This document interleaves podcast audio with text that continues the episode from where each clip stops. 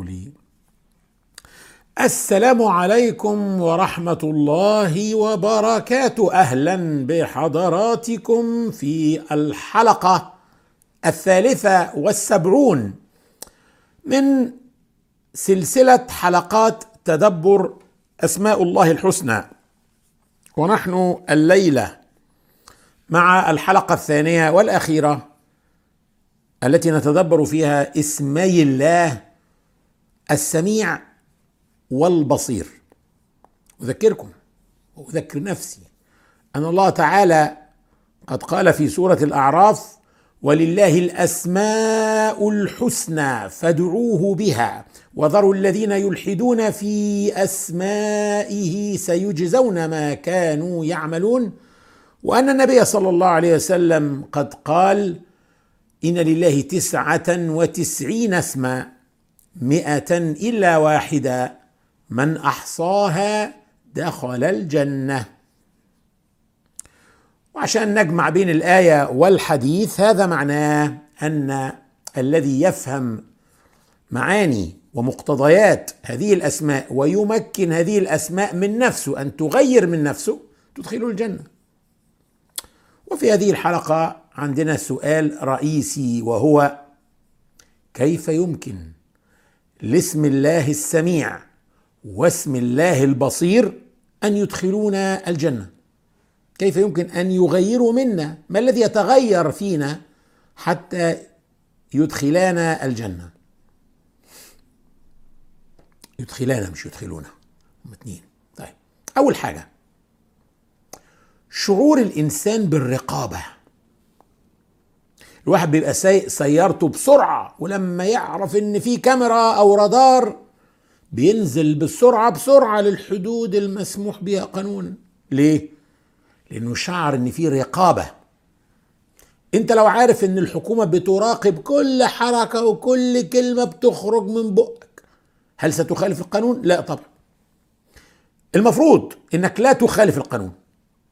طالما إن أنت مقتنع بالقانون وإنه مفيد وإن أنت لا تخالف القانون ولكن الرقابة بتساعد الإنسان أكثر إنه يلتزم بالقانون لأن يعني الواحد بيضعف وبيبقى مستعجل أحيانا يسوق بسرعة شوية يعني لكن الرقابة بتساعد الإنسان.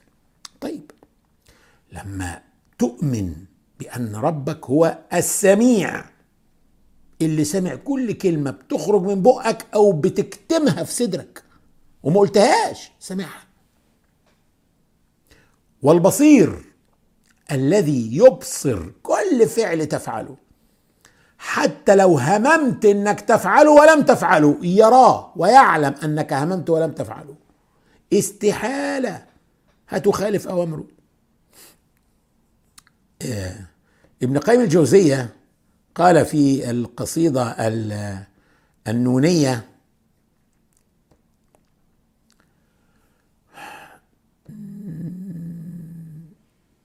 لا ده دي ده دي السميع ثانية واحدة أجيب لكم. اللي إحنا قلنا امبارح الأبيات اللي قالها ابن القيم الجوزية في اسم السميع. النهارده نشوف اسم البصير.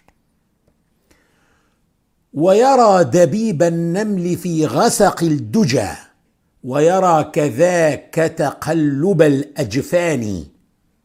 ربنا يرى دبيب النمل حطت النملة لرجلها في غسق الدجى في يعني يعني ما الدنيا تضلم ويرى كذاك تقلب الأجفان. لهو البصير يرى دبيب النملة لهو البصير يرى دبيب النملة السوداء تحت الصخر والصوان. ويرى مجاري القوت ويرى مجاري القوت في أعضائها ويرى نياط عروقها بعيان. يعني ربنا يرى ما الأكل وهو بيدخل جوه أعضاء النملة. ويرى نياط عروقها بعيانه حتى العروق بتاعتها والتفرع بتاعها يراها. ويرى خيانات العيون بلحظها. اي والذي برأ الورى وبراني. خائنة الأعين اللي حذر منها النبي صلى الله عليه وسلم إن هو يكون الناس مش واخدة بالها يوم حد عامل كده لحد أو غامز لحد يعني يعني إيه خائنة الأعين؟ ربنا يرى كل شيء. لا يوجد شيء ربنا لا يراه. ويسمع كل شيء. مجرد إن الإنسان يؤمن بهذا هيصبح عند الإنسان رقابة داخلية تجعله يتقي الله بأنه يبتعد عما حرم الله. وده معنى التقوى. إن الإنسان يتجنب المواقف التي يمكن أن يضعف فيها أمام الإغراءات فيقع في الذنوب. هذا الشعور توحيد الله باسم السميع البصير يجعل الإنسان باستمرار حاطط في ذهنه إنه متشاف إنه متراقب. كان أحد الصالحين كل شوية يخرج ورقة من جيبه ويدخلها تاني يخرج ورقة من جيبه يقراها ويدخلها تاني. فالناس ما تعرفش إيه في الورقة دي سر الراجل يعني. لما مات خرجوا الورقة من جيبه وجدوا مكتوب فيها الله ناظري الله شهيد علي. الله يراني الله يراني الله ناظري الله شهيد علي كل شوية يطلع الورقه يقراها عشان يذكر نفسه لما نتدبر بقى السياقات التي ورد فيها السميع والبصير هيتكشف لنا بقى كيف يمكن لهذه الاسماء انها تغيرنا مثلا في سوره هود أجيب لكم بعض الاسم بعض السياقات يعني مش هقدر اجيبها كلها بس انت بقى كمل انت اقرا كله يقول الحق تبارك وتعالى فاستقم كما أمرت ومن تاب معك ولا تطغوا إنه بما تعملون بصير. هذا أمر من الله للنبي صلى الله عليه وسلم وللصحابة بإيه؟ بالاستقامة. مش أمر بالإيمان هم مؤمنين ولكن المؤمن يجب أن يستقيم على صراط الله. فربنا بيأمره فاستقم كما أمرت ومن تاب معك ولا تطغوا. أمر بالاستقامة. وما يساعدك على الاستقامة هو الشعور بأن الله يراك فيختم الآية بقوله إنه بما تعملون بصير. شوف بقى الاسم اللي اختير مع الآية اللي بت... بتأمر بالاستقامة. ربنا ما قال ما ما ما ما, ما اختارش اسم الرحمن ولا الرحيم ولا المقيت. اختار الاسم المناسب هنا. انت ربنا بيأمرك بالاستقامة وعدم الظلم. فيذكرك بأنه بصير. بكل شيء بتعمله إنه بما تعملون بصير.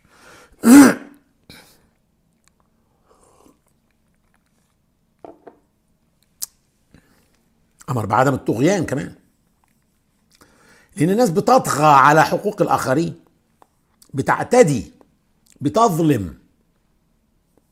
الناس تظن إنهم علشان مؤمنين بلا إله إلا الله يبقى خلاص داخلين الجنة بدون حساب.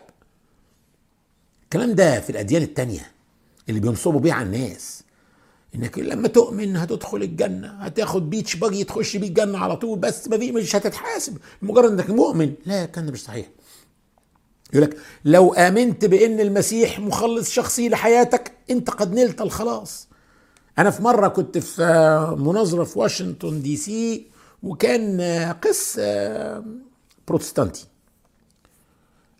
قال والله كانت مفاجأة بالنسبة لي بيقول للناس لو آمنت أو لو اعتقدت إن العمل الصالح هينفعك يوم القيامة فهذه معصية في حد ذاتها. لأن المفروض تؤمن إنك أول ما آمنت بالمسيح مخلص شخصي لحياتك فقد نلت الخلاص. أنت كده مبروك. لا. الإسلام في مفهوم الخلاص عبارة عن طائر يطير بجناحين الإيمان والعمل الصالح. الإيمان مهم لكنه لا يكفي ضروري لكن لا يكفي. زي ما بيقولوا في الرياضيات وفي علم المنطق necessary but not sufficient. ضروري لكن لا يكفي وحده. الإسلام هو الدين الوحيد اللي ضمن لأتباعه دخول النار إذا لم يعملوا العمل الصالح. وأنا ليا فيديو في الموضوع ده وقلت فيه. بأمانة يعني المفهوم المريح هو المفهوم المسيحي طبعا بس مش صحيح. يعني أنا هستفيد إيه لما أصدق بمفهوم يريحني في الدنيا لكن يطلع في الآخر مقلب ويطلع مش يطلع غلط؟ لذلك دايما هتجد اقتران الإيمان بالعمل الصالح في القرآن الكريم. من آمن وعمل صالحا. الذين آمنوا وعملوا الصالحات. من يؤمن ويعمل صالحا. باستمرار. ورجعوا لده يعني شوفوا آخر شوفوا تدبر آخر آية في سورة الكهف. متكلمين فيها بالتفصيل في الموضوع ده.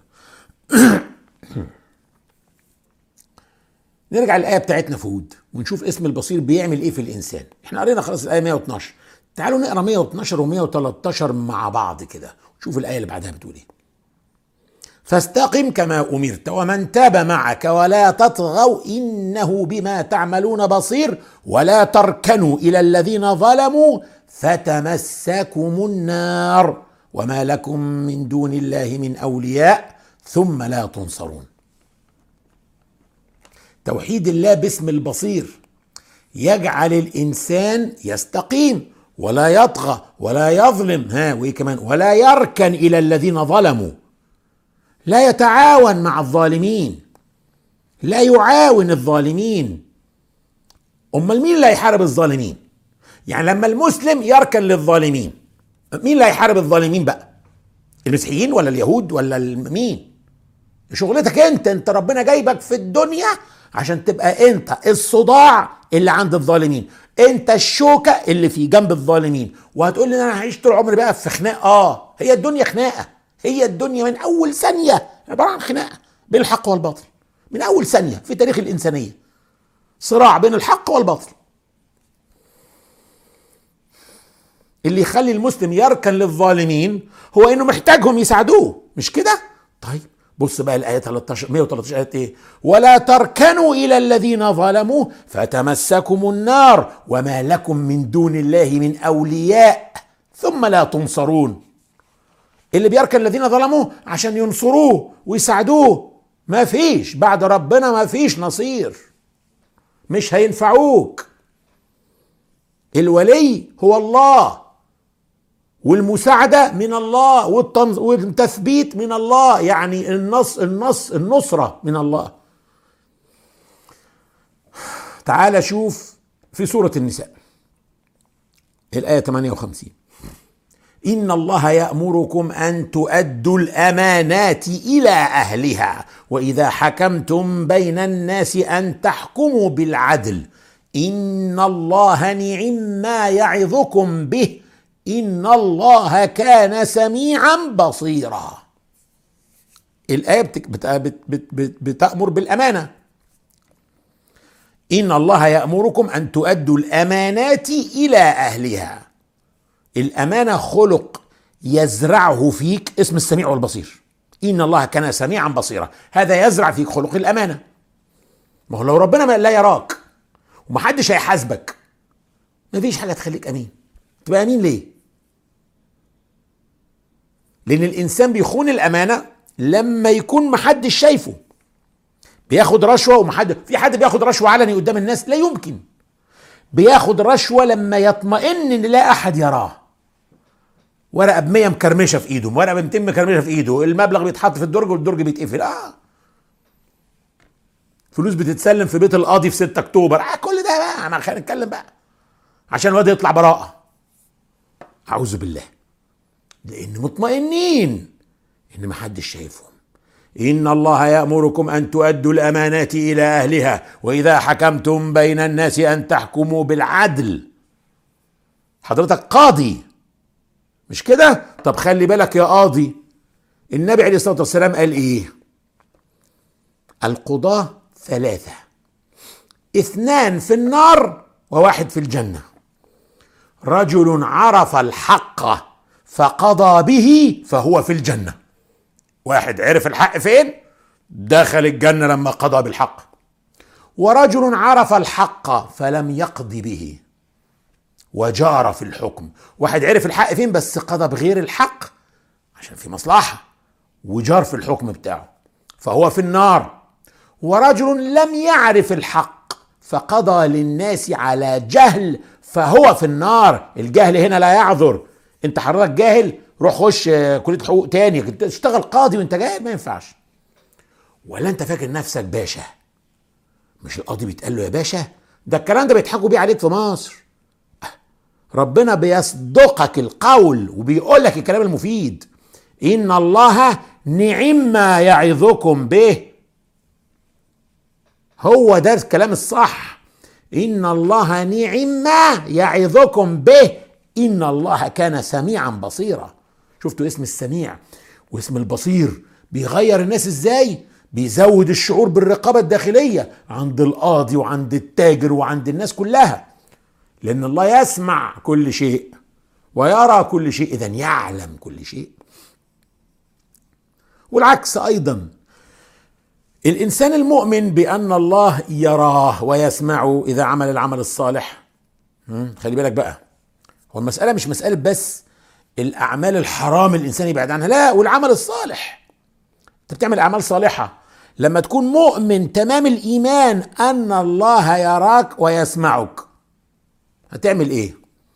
هتعمل العمل الصالح بمنتهى الإخلاص وفي الخفاء تخفيه عشان تثبت لله إنه لله مية في المية.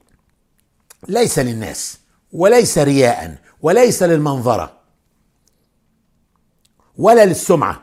فترضي الله وتعلم إن حقك مش هيروح لأنه لن ينسى. وتم تسجيله.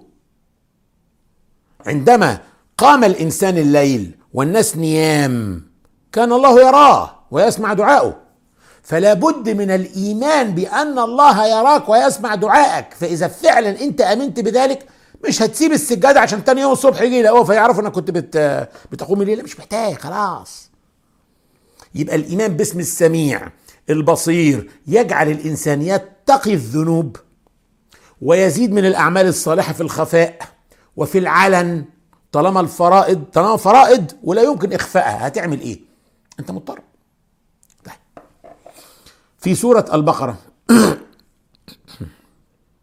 110 وأقيموا الصلاة وآتوا الزكاة وما تقدموا لأنفسكم من خير تجدوه عند الله. إن الله بما تعملون بصير. فشوف ربنا بيطمنك إن أعمالك هتجدها موجودة مكتوبة.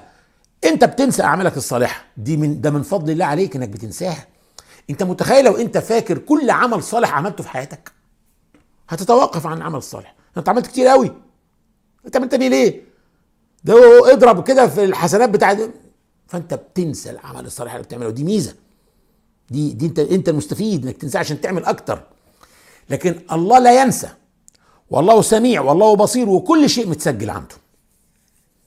صلوات صلتها بالليل دون أن يراك أحد. من الذي يضمن لك الثواب؟ وأنت ما عندكش شهود. وأقيموا الصلاة وآتوا الزكاة وما تقدموا لأنفسكم من خير تجدوه عند الله. إن الله بما تعملون بصير. فيش حاجة هتروح. ربنا بيطمنك على عملك الصالح. زكوات طعام أعطيته للفقراء في الظلام ومحدش شايف. محدش شافك وانت بتقدم دعم لأهل غزة بكارت الفيزا على الإنترنت وبتدفع لجمعية الرحمة العالمية ولا جمعيات بتاعه الكويت ولا قطر ولا الجمعيات المحترمة دي وانت بتدفع لهم بكارت الفيزا محدش شافك. لم يراك أحد.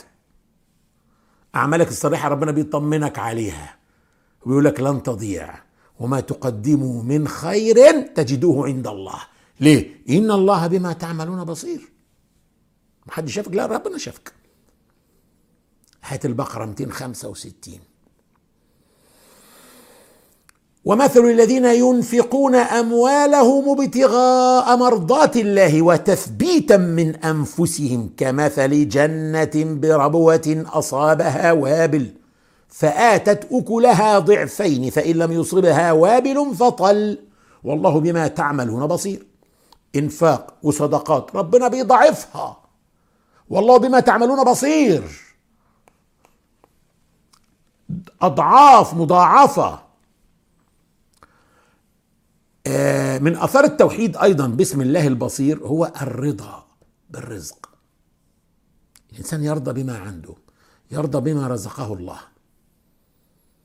إن ربك يبسط الرزق لمن يشاء ويقدر. إنه كان بعباده خبيرا بصيرا. ربنا بعلمه الذي يحيط بعلمه خبير يعني محيط ب... مش عليم بس عليم بدقائق الأمور وبمآلات الأمور. يعلم إن فلان ده الفقير ده لو ربنا وسع عليه الرزق وبقى معاه فلوس هيفجر ويروح على الكباريهات. خليه فقير بقى. فربنا يعلم ما لا نعلمه إحنا. إنه كان بعباده خبيرا بصيرا. فيبسط الرزق لمن يشاء ويقدر على آخرين. أهل غزة. تخلى عنهم القريب والبعيد. وتجد فيديوهات يسألوا الراجل هتعمل إيه في الأكل والشرب؟ يقول لك ما دام ربنا شايفنا. لأنه بصير. وربك هو الرزاق. يبقى ما تقلقش هذا ال ال ال الإيمان القوي نبع من إيه؟ من أسماء الله اللي زي دي السميع البصير. لو ربنا سمعني ومب ويبصرني ويرى حالي أنا مش قلقان. أنا مش قلقان.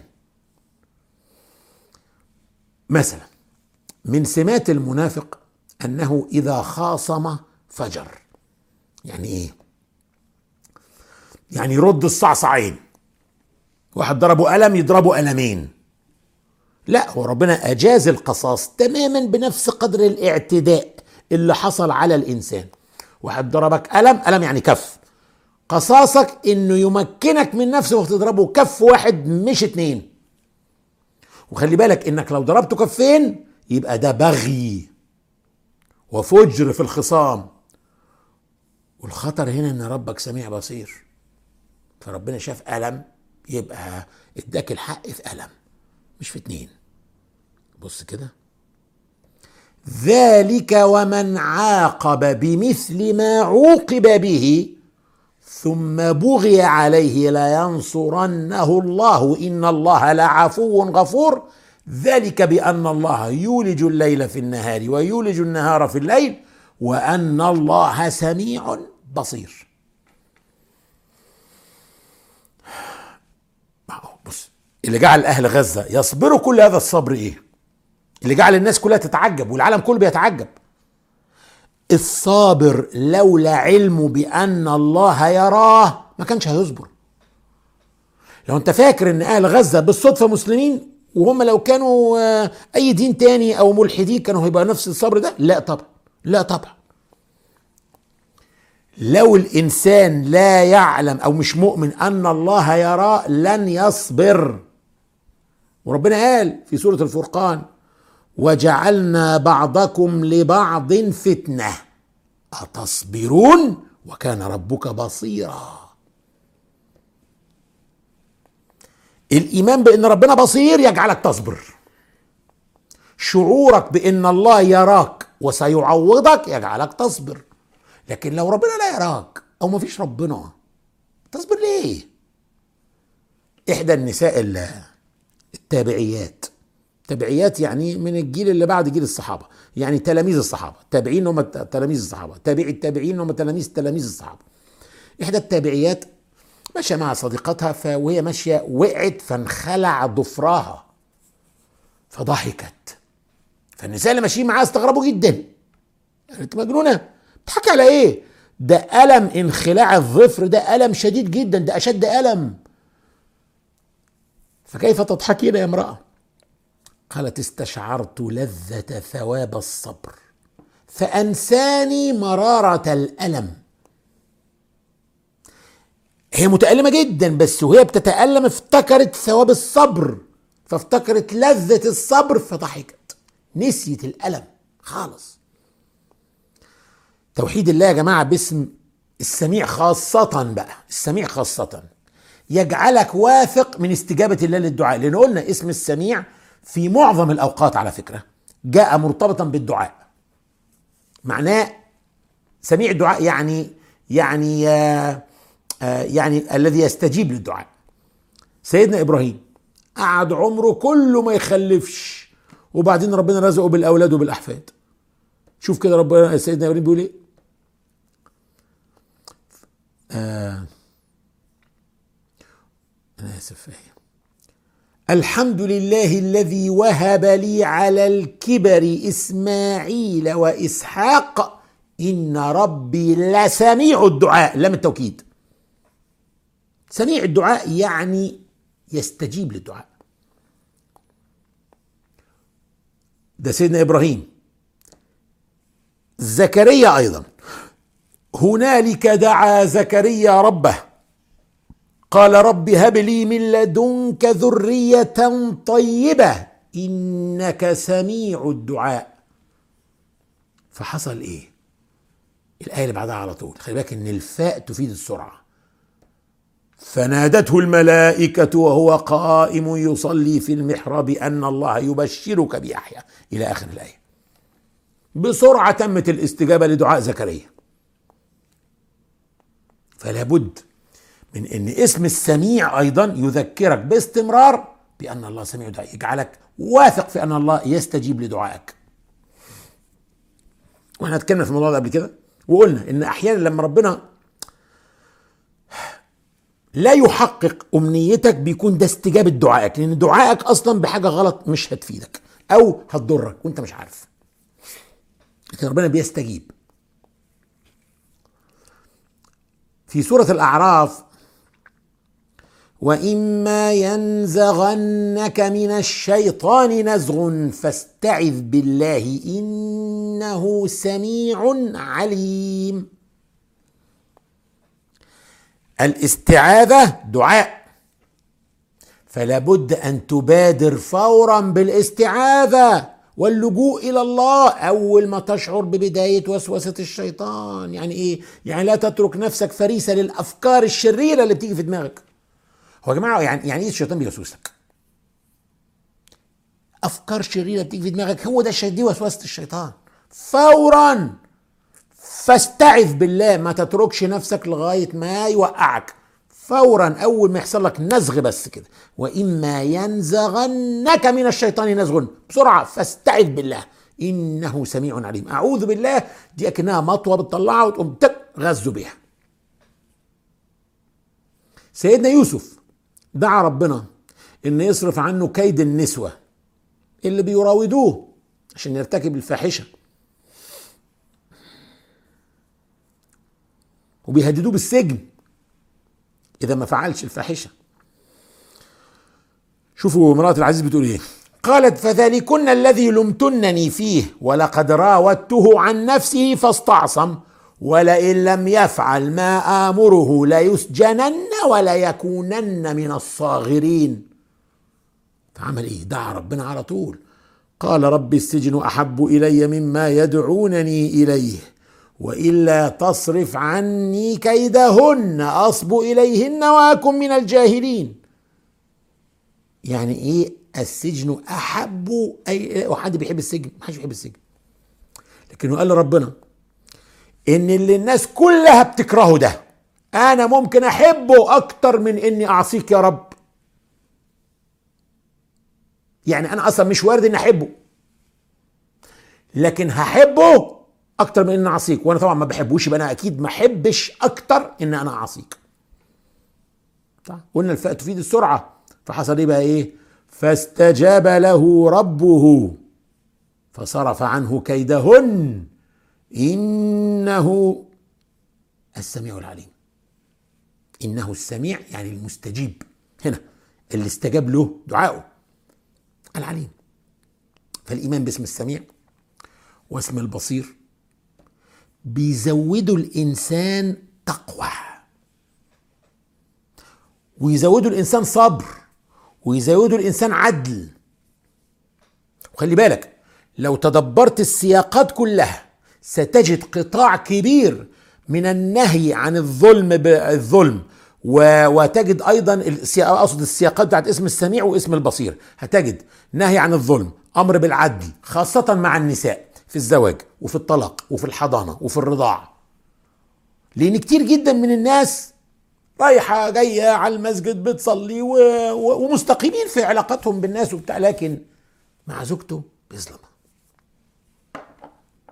ده مش كفاية إنك تبقى قدام الناس كده عم الشيخ لا.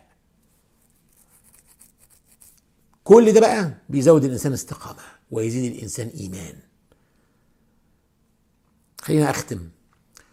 الحلقة دي بأبيات شعر جميلة جدا للشاعر هبه الله موسى الشيرازي المتوفى 470 هجريا. بيقول يا من يرى مد البعوض جناحه في ظلمة الليل البهيم الأليل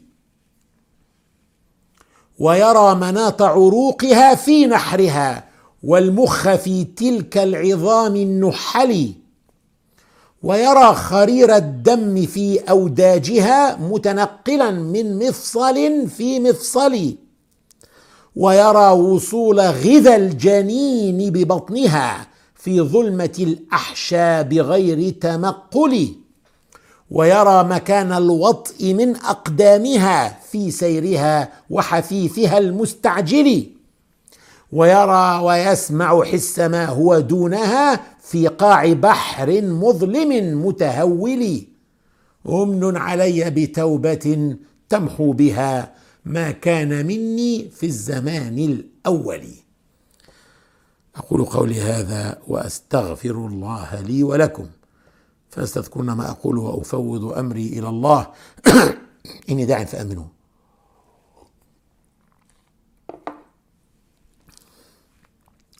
اللهم أنت ربنا خلقتنا ونحن عبيدك وإماؤك وأبناء عبيدك وإمائك نواصينا بيدك.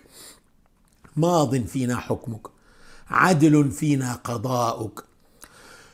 اللهم ربنا رب السماوات ورب الأرض ورب كل شيء ومليكه فالق الحب والنوى منزل التوراة والإنجيل والقرآن العظيم.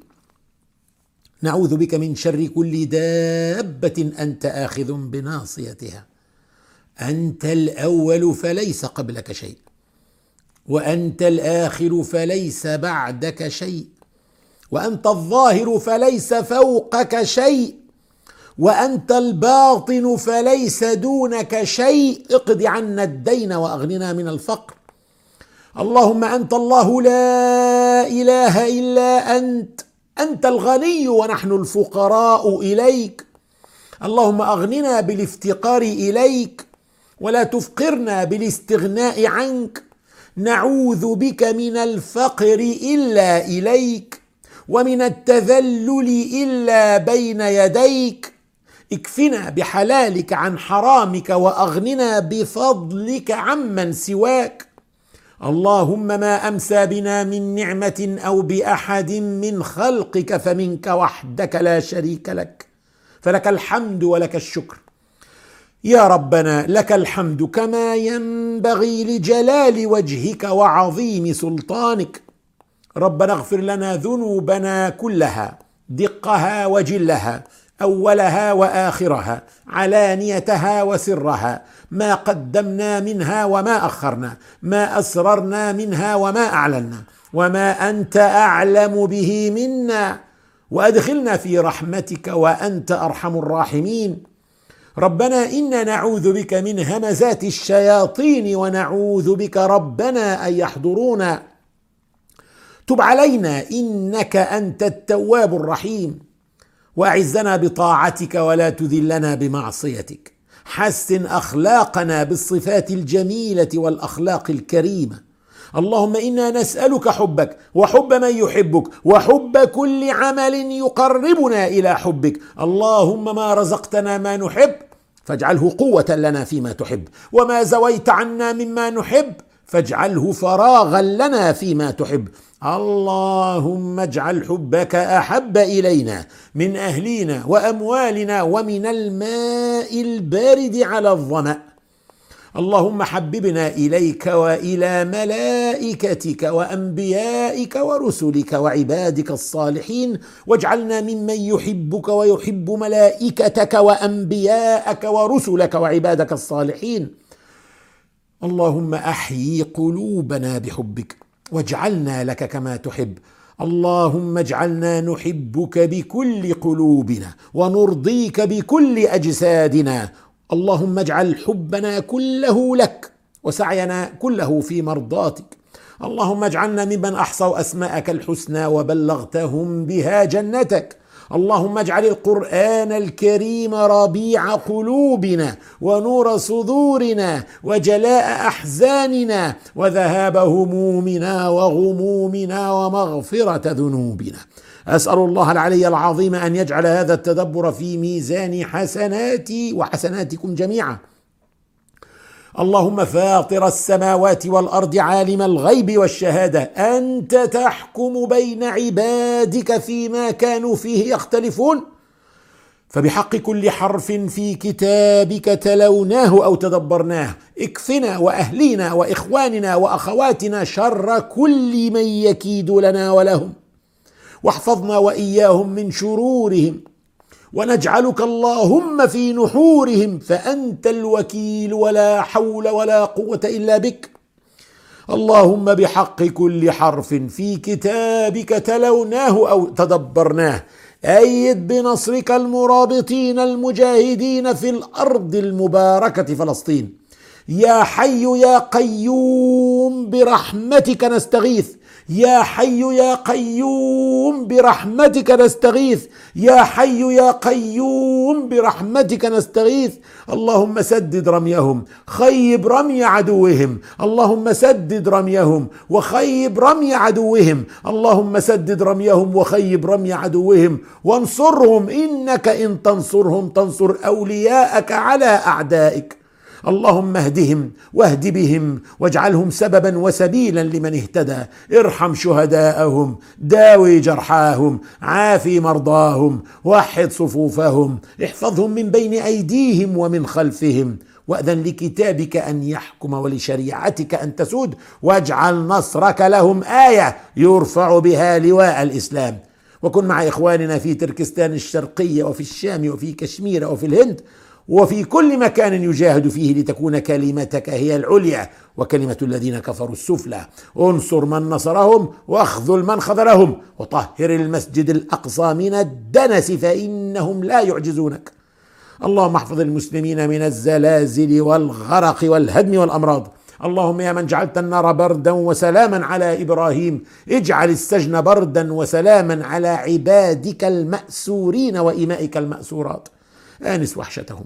عجل بفرجهم أحسن خلاصهم فرج كربهم كن مع المبتلين من عبادك المهجرين من ديارهم ضاعف ثوابهم ثبتهم على دينك إن كانوا جياعا فأطعمهم إن كانوا حفاة فاحملهم إن كانوا عراة فاكسؤهم إن كانوا مرضى فعافهم. وإن كانوا مقهورين فانصرهم واشف صدور عبادك ممن ظلمهم وارهم فيه يوما كاليوم الذي شققت فيه البحر لموسى وهارون وأغرقت فيه عدوك وحسبنا الله ونعم الوكيل. اللهم اشف مرضانا واهد شبابنا وارض عنا وردنا واجمعنا في ظل عرشك يوم لا ظل إلا ظلك.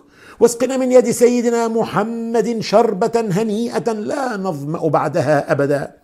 ولا تحرمنا يا مولانا لذة النظر إلى نور وجهك الكريم. اللهم إنك تعلم أن هذه القلوب قد اجتمعت على كتابك وعلى محبتك والتقت يا ربنا على طاعتك وتوحدت على دعوتك وتعاهدت على نصرة شريعتك. فوثق اللهم رابطتها وأدم ودها واهدها سبلها واملأها بنورك الذي لا يخبو واشرح صدورها بفيض الإيمان بك وجميل التوكل عليك وأحيها يا ربنا بمعرفتك وأمتها يا مولانا على الشهادة في سبيلك. إنك نعم المولى ونعم النصير. وأصلي وأسلم على المبعوث رحمة للعالمين. والسلام عليكم ورحمة الله وبركاته. ونراكم في الحلقة القادمة.